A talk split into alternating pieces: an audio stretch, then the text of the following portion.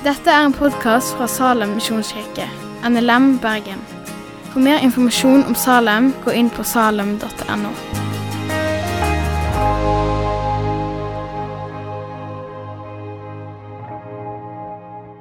Ja, veldig hyggelig å bli spurt om å være med på ungdomskveld i Salem da, for gamle folk. Og eh, veldig hyggelig òg at de har sett opp nettopp eh, sånne tema som de har gjort. Eh, påske i GT i Det gamle testamentet. Det er faktisk ingen selvfølge at han, at han fokuserer på Jesus ut ifra de gammeltestamentlige skrifter. Noen av dere følger kanskje med i avisa Dagen og Vårt Land og flere plasser også sikkert at det var jo en ung teolog og pastor som etterlyste mer tru i presteutdanningen.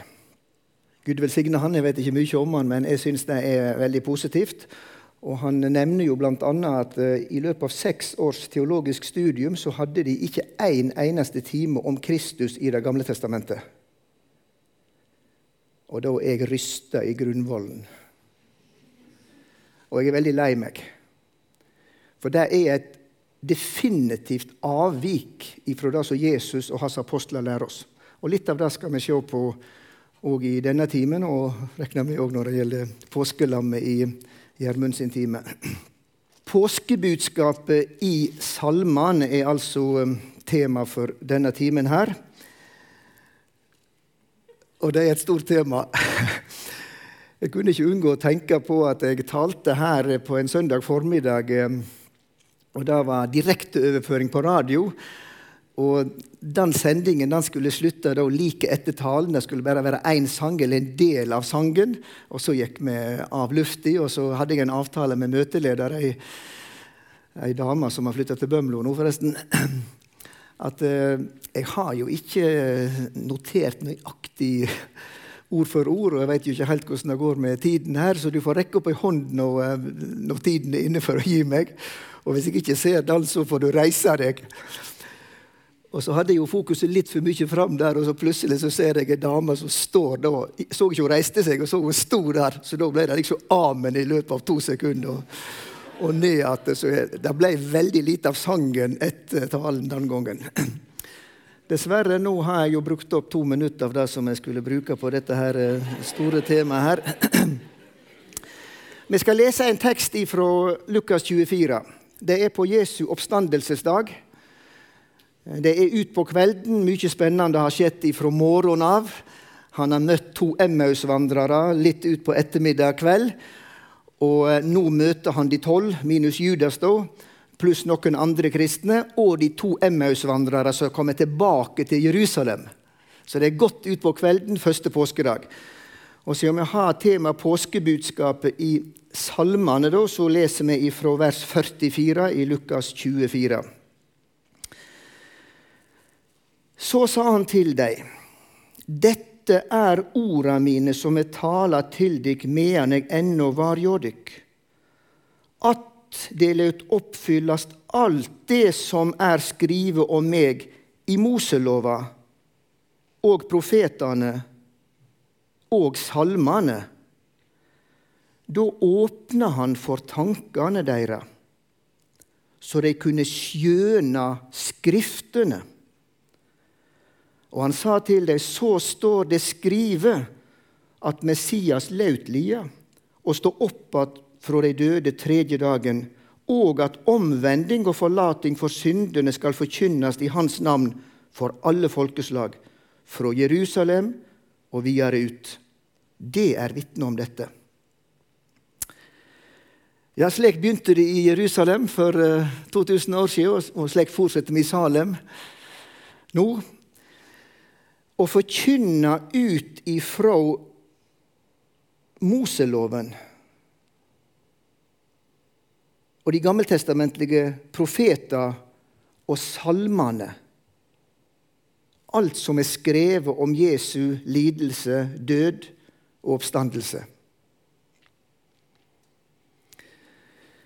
Det er veldig interessant at Jesus lærer sine apostler og de andre som var kommet til tro på han, å forankre lidelseshistorien og det som skjedde i Jerusalem, i det som Gud hadde talt om gjennom sine profeter lenge, lenge før. Hundrede år, tusener år tidligere. Som jeg var innom, så er det jo uh, denne oppstandelsesdagen to læresveiner, ikke av de tolv. Men noen som hadde fulgt Jesus, er på vei fra Jerusalem til en by som ligger lenger vest, og et stykke nedover, da, siden Jerusalem ligger 800 meter over havet. Uh, og Jesus glir inn iblant de, men noe blir hildet tilbake så de ikke kjenner han. De kjenner ikke ansiktet. Det er noe bevisst fra Guds side for de skulle lære å kjenne noe på en annen måte enn ansiktsgjenkjenning. De skulle lære seg til å skjønne at det som har skjedd i Jerusalem, det er nøyaktig det som Gud har talt om på forhånd. Så han glir jo inn der og spør hvorfor er det så trist og lei, for å bruke litt mine egne ord. Ja, det er jo det som har skjedd i Jerusalem, sier de siste dagene. Hvorfor noe? Ja, dette med Jesus fra Nasaret. Du må visst være den eneste i Jerusalem som ikke veit hva som har skjedd der siste dagene, sier de. Da trefte de jo spikeren på hodet. Jesus fra Nasaret var den som ikke visste hva som hadde skjedd i Jerusalem. Og så er Jesus rimelig frisk. Det er liksom ikke 'milde Jesus, du som sagde', som det heter i en gammel salme. Og for uvituge det er, sier han. Hvor seinhjarta til å tru alt det som profetene har tala. Laut ikke Messias lia dette, og så gå inn til sin herligdom. Så tok han til ifra Moses og fra alle profetene og la ut for deg det som var skrevet om han i alle skriftene. Seinere på kvelden, mens de tre er samla, så sier de brann ikke våre hjerter i oss når han talte med oss på veien og åpna våre hjerter. Men da ble Jesus usynlig for dem. Og da var det ikke lenger seint på kveld som de hadde snakket om tidligere når de inviterte Jesus hjem. Da er det motbakken tilbake til Jerusalem, og så oppsøker de de elleve apostler og en del andre som var sammen med dem. Og mens de snakker sammen, så dukker Jesus opp der òg. Og så begynner han på samme måten. Han bebreider sine læresveiner, for dette talte jo med dere om mens vi ennå var i Galilea, altså nord i Israel. Lukas 18 kan du legge merke til.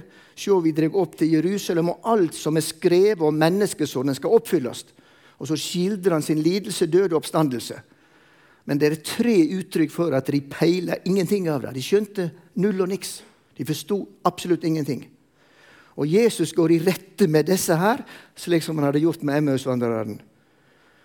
De burde, hvis de hadde lest det profetiske ord, vært oppmerksom på at Jesus, Messias, måtte li og dø. Og de burde kjenne til at han skulle stå opp igjen. Og de burde kjenne til at han skulle stå opp igjen på den tredje dagen. I 40 dager synte han seg for dem før sin himmelfart og underviste dem om Guds rike. Og jeg tror vi vet en del om det han underviste om. For hvis du leser hvordan apostlene forkynte, og hva apostlene har skrevet i brevlitteraturen, så, så er vi ganske sikre på sporet av det som Jesus underviste. Hvis du leser Peters pinsetale, apostelgjerningene 2 Åndsmeddelelsen hadde skjedd. Tusener stimla sammen eh, ved bygningen der de var. Og Peter tar ordet og han forkynner på en slik måte at det bare reises et spørsmål i deres indre. Hva skal vi gjøre, brød? Og de får svar. Vend om og la dere alle døype på Jesu Kristi navn til forlating for syndene. Så skal dere få Den hellige andes gave. Så må vi jo spørre 3000 mennesker ble frelst etter denne her Peters forkynnelse. Og Da må man spørre hva var det evangelisten Peter forkynte? Hvordan la han opp sin evangeliske forkynnelse? Og så oppdager vi at det er jo like mye læreren Peter som evangelisten Peter. Men folk ble frelst. For det er jo egentlig en utlegging fra Det gamle testamentet både om Den hellige andes komme fra Joel 3, men òg Jesu lidelse, død og oppstandelse. Og da tar vi jo liksom prikken over i-en med en gang. da. Han går jo inn på oppstandelsen til Jesus. Og så siterer han et avsnitt fra Salme 16. Jesus hadde lagt ut ifra salmene og ifra alle skriftene i Det gamle testamentet. David har skrevet Salme 16. Han har jo skrevet veldig mye. Du vil legge merke til hvis du studerer David sitt liv og Jesus sitt liv, at David på mange områder er et forbilde på Jesus, og i det han skriver i salmene. Denne her gutten som ble født i Betlehem, det er noe profetisk i forhold til han som kom i Davids 1000 år senere og ble født i Betlehem. Denne her gutten som etter hvert vokste til og ble en sauegjeter, en hyrding, er et forbilde på han som sier 'Jeg er den gode hyrdingen, jeg setter livet mitt til for sauene'. Og denne her mannen som skulle felle den enorme filisterkjempa Goliat, er jo òg et bilde på han som triumferte over makt og myndighet og stilte de åpenlyste skue da han syntes seg som seierherre over dem på krossen. Han avvæpna maktene og myndighetene. Kolossavbrevet 2,15. Og denne her mannen som ble konge i Jerusalem, er definitivt et forbilde på Davids sønn Messias, som òg er konge Først på et åndelig plan, og etter hvert så skal han regjere fra Sion, fra Jerusalem. Det skal ikke vi komme inn på i kveld, for det har ikke direkte med påskebudskap å gjøre. Men i denne salme 16 så sier Peter at her skriver David du vil ikke overlate min sjel til dødsriket. Du vil ikke la din heilige se undergang. Du kunngjorde med livsens veger. Ja, men kjære landsmenn, sier Peter, David er jo død. Og Gravias er jo hos oss den dag i dag. Men fordi han var en profet, så er det om Messias han taler, og hans oppstandelse. Og Seinere går han inn og siterer fra Salme 110 òg. Så han legger ut det gammeltestamentlige budskap om Jesu lidelse, død og oppstandelse. Og folket ser det. Lyset renner. Det som har skjedd i Jerusalem ved at jøder og romere slo seg sammen og ropte 'krossfest, krossfest, bort med han og gi oss Barabbas fri', det samstemmer med det profetiske ord. Paulus, som var jo en skriftlærd, hadde sikkert vanvittig med bibelkunnskap de gammeltestamentlige skrifter, men han var jo en fanatisk forfølger av Jesu venner. Og så møtte Jesus han til en radikal omvendelse utenfor Damaskus i Syria. Det er jo kjent fra nyhetene, dette området i Syria med all elendighet nå. Så langt nordover var han kommet. Og så taler Jesus til ham på hebraisk, står det. Shaul, Shaul, Saul, Saul. Eller Paulus, som jeg kjenner han. Og så får han en radikal omvendelse. Og Du leser der i, i apostelgjerninga 9 at uh, rett etter sin omvendelse så begynner han å forkynne at Jesus er Guds sønn. Og han rent målbatt jødene med de bevis han la fram på at Jesus er Messias.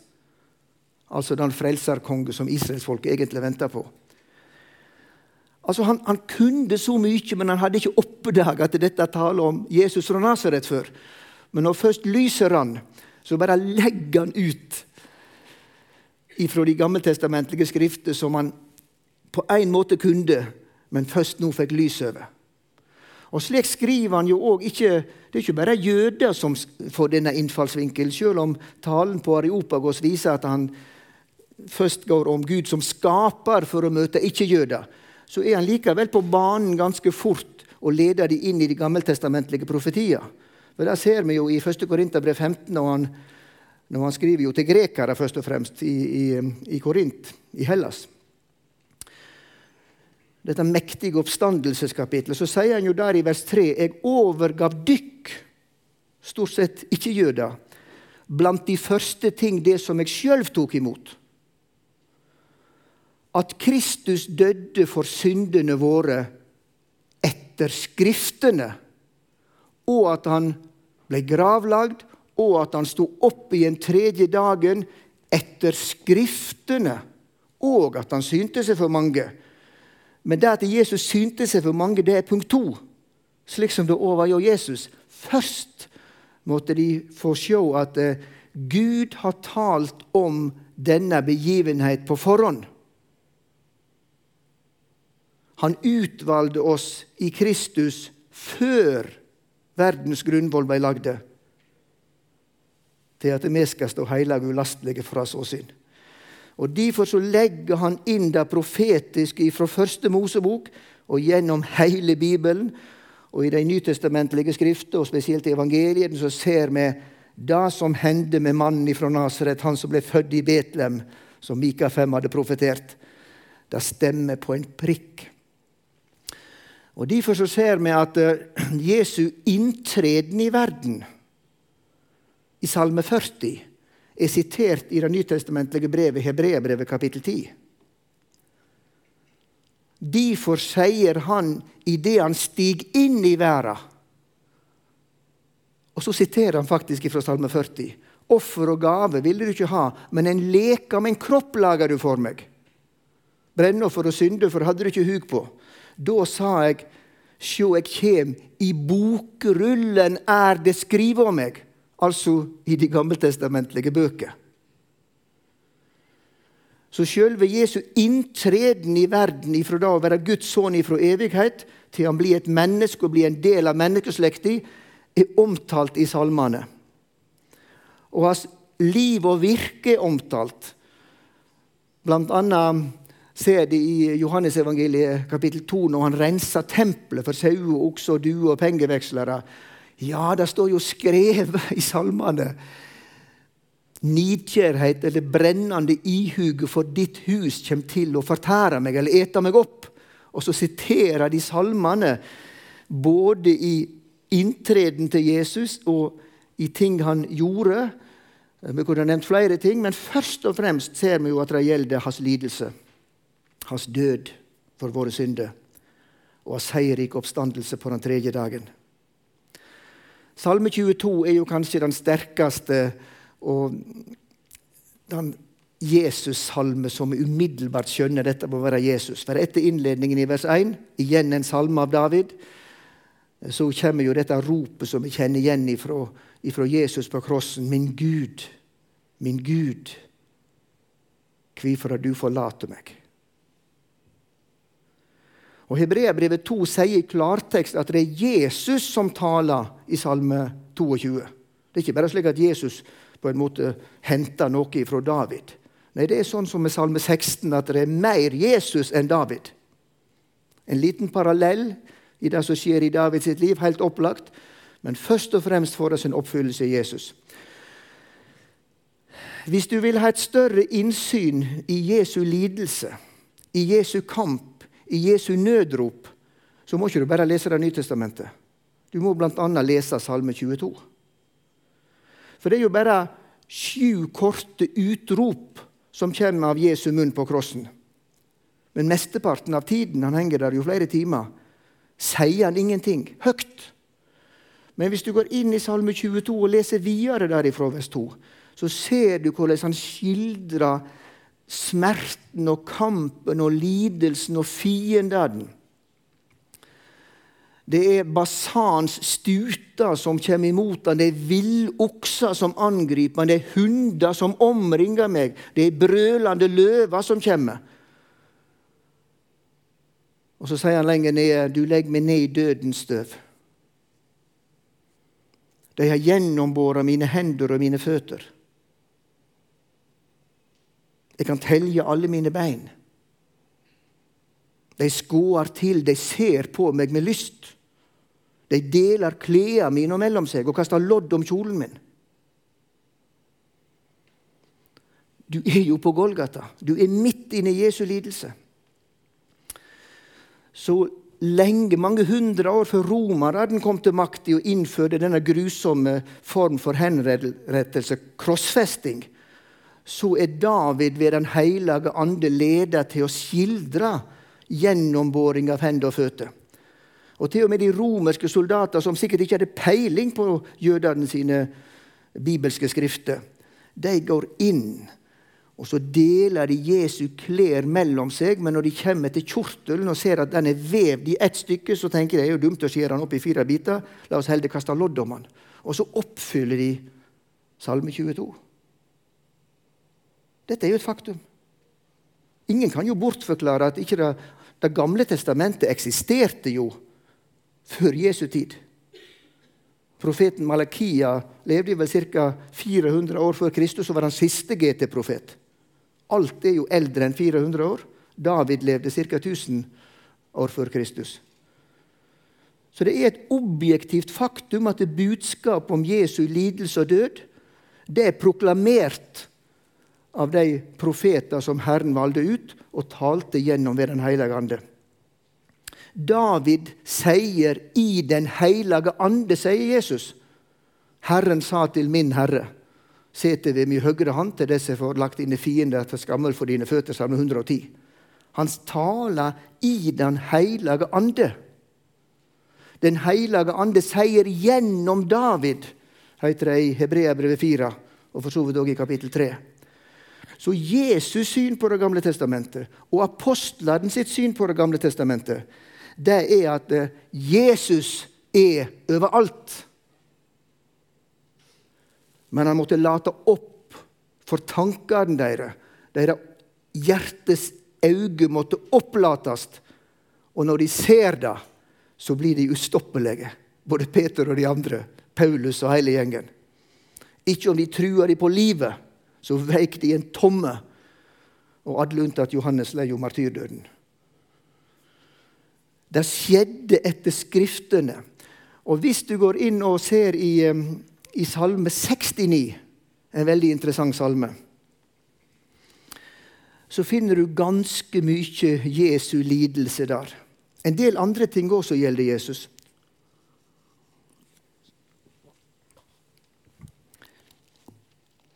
Hvor går det, tekniker? Tar du litt på sparket her?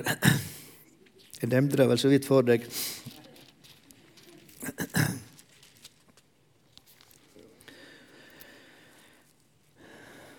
Salme 69. De har jo ikke nynorsk, vet du her. Det er jo helt fortvilt. De vet at Det gamle testamentet er skrevet på nynorsk. det ligner veldig for noen, iallfall. Sognamål. Vers 5.: De som hater meg uten årsak, er flere enn håra på hovedet mitt. Det er jo et sitat fra Johannes 15, 25. Det er forresten en feilhenvisning i, i norsk bibel, der, men det skal være Johannes 15. Vers 10, som jeg nevnte, for brennende ihuget for ditt hus har fortært meg. Det var ved tempelrensningen. De så da. Og hån fra de som håner deg, har fallet på meg. Der ser det en henvisning til Romerbrevet 15,3, der Paulus direkte knytter dette her til Jesus.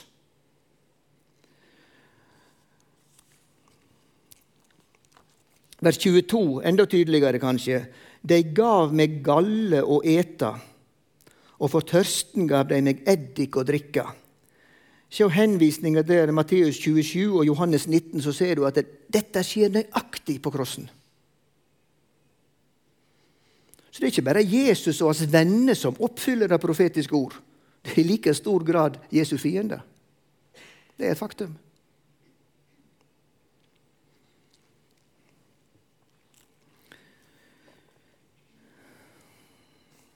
Ja, Det er flere ting nedover der som jeg ikke skal komme inn på her. Det går ikke direkte på påskebudskapet. Men eh, Salme 69 og Salme 109 det, det er veldig fokus på Jesu lidelse. På Jesu bønne på Jesu kamp. Så dette tror jeg, selv om det er en kortversjon av det som Jesus ba i Getsemanehagen, eh, så vet vi at han var der i timevis. Så, så disse Davidssalmer og andre, det er et sterkt innsyn i Jesu lidelse. Utrolig trosstyrkende. Og det er gudvilje. Og dette har Jesus og apostlene et fokus på. Sånn forkynte de. Og sånn må vi forkynne til hverandre òg, enten vi skal bli teologer og prester eller vanlige kristne. Vi trenger et budskap om Jesus som gjør at det holder òg når det stormer i livet. Jeg har kommet inn på en grunnvoll, og her blir jeg uansett. Salme 118. Den er interessant. Den steinen som bygningsmennene vraka, har blitt hovedhjørnestein.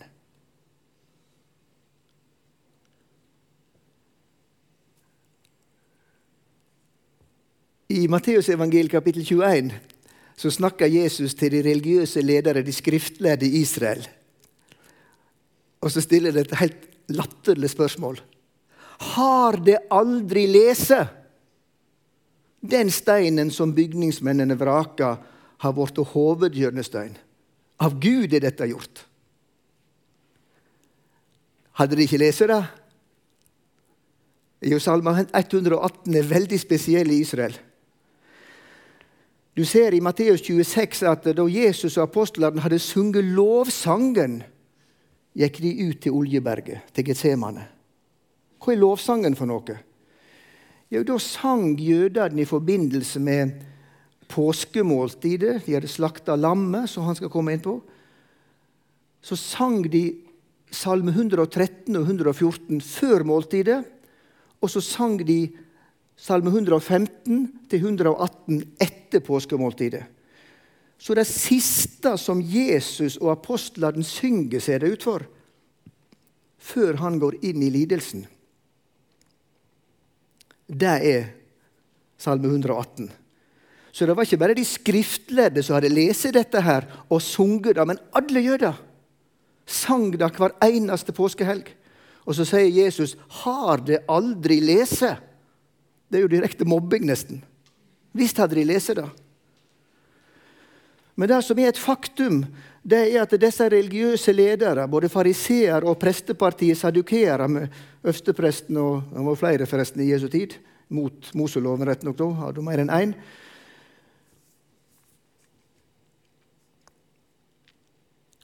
De betrakta Jesus fra Nasaret som ubrukelig.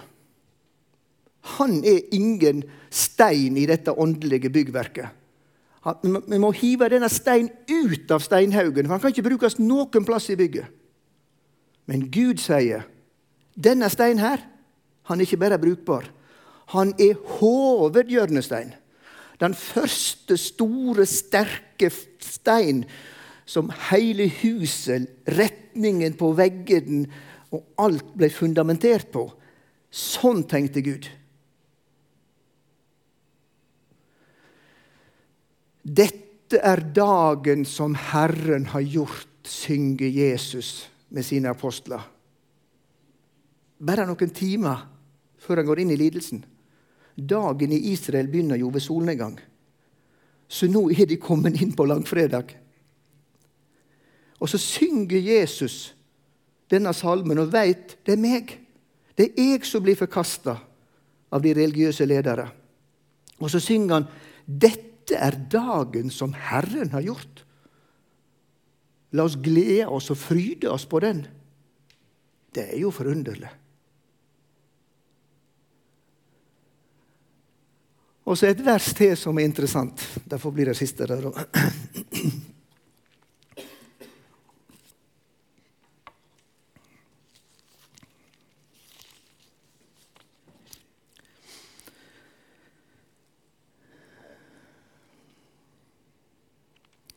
andre del av vers 27.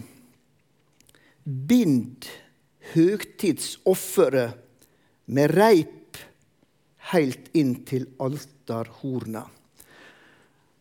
Får du opp den der eh, tabernakel Dette bildet fra en kopi av et tabernakel som de har reist sør i Israel, i Timna, i nærheten av Eilat ved Rødehavet.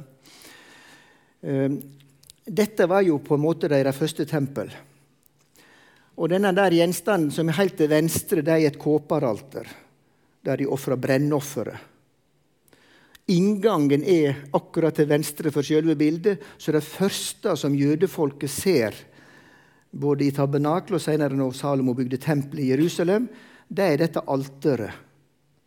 Og der visste de at de dyr som de skar over strupen på, og som de la på alteret, det er det som gjør at Gud blir forsont med israelsfolket. Og så sier Hebreabrevet ikke minst at dette, dette, er bare en avskygning av det som skulle komme med Jesus. Men når Jesus da synger lovsangen, og synger 'bitt offeret med reip inn til altarhorna', så altså er fire horn på de fire hjørnene der, så, så vet en at dette er forbildet på at han er det offeret som om noen timer skal festes til krossen. Og dette er dagen som Herren har gjort. Det er langt mer stoff om Jesus og påskebudskapet i salmene. Vi har ikke tid til mer. Men Jesus sa til sine læresveiner at de ikke bare skulle forkynne at det slik er det talt om han i Det gamle testamentet. Men de skulle òg forkynne ut ifra Det gamle testamentet at folk må omvende seg og motta syndenes forlatelse. Du skal knele ned for kongen. Du skal overgi deg til kongen. Så nå, 2000 år etterpå, så går appellen ut. Budskapet om Jesu død for dine synder er troverdige troverdig ord og vel verdt å ta imot, som Paulus skriver. Det er først profetert, og det går i oppfyllelse. Og du ser at dette er guddommelig. Og Bibelen sier, 'Åpne deg opp for dette budskapet'. Om du ikke har gjort det før, omvend deg Bestem deg for jeg vil endre kurs og løy, og jeg vil slippe Jesus inn i mitt liv. Men De fleste er sikkert kristne, men la oss ta med det budskapet som Jesus sa til Peter. Enda da hadde Peter gått sammen med han i tre og et halvt år og gjort mektige ting faktisk òg. Men Jesus sier like før sin død når du en gang omvender deg, så styrk brødrene. Og vi kristne trenger omvendelse og en general fornyelse av og til. Dette er dagen som Herren har gjort. La oss sitere da og tenke på den måten. Kom til nattverd kanskje for første gang i det du har gjort en bestemmelse jeg vil ta imot Jesus.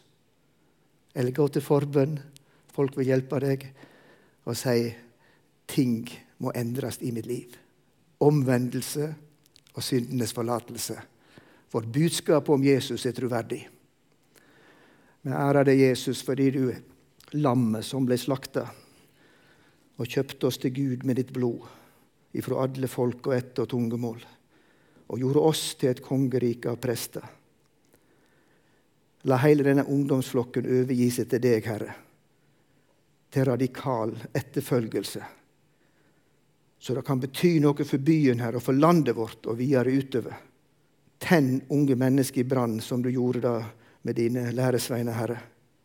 Og fordriv mørket som siger innover land og folk. Med ære ditt navn, Jesus. Amen. Takk for at du har hørt på podkasten fra Salem, Bergen. I Salem vil vi vinne, bevare, utruste og sende. Til Guds ære. Vi ønsker å se mennesker finne fellesskap, møte Jesus og bli disippelgjort her i Bergen og i resten av verden. Vil du vite mer om oss, gå inn på salem.no. thank you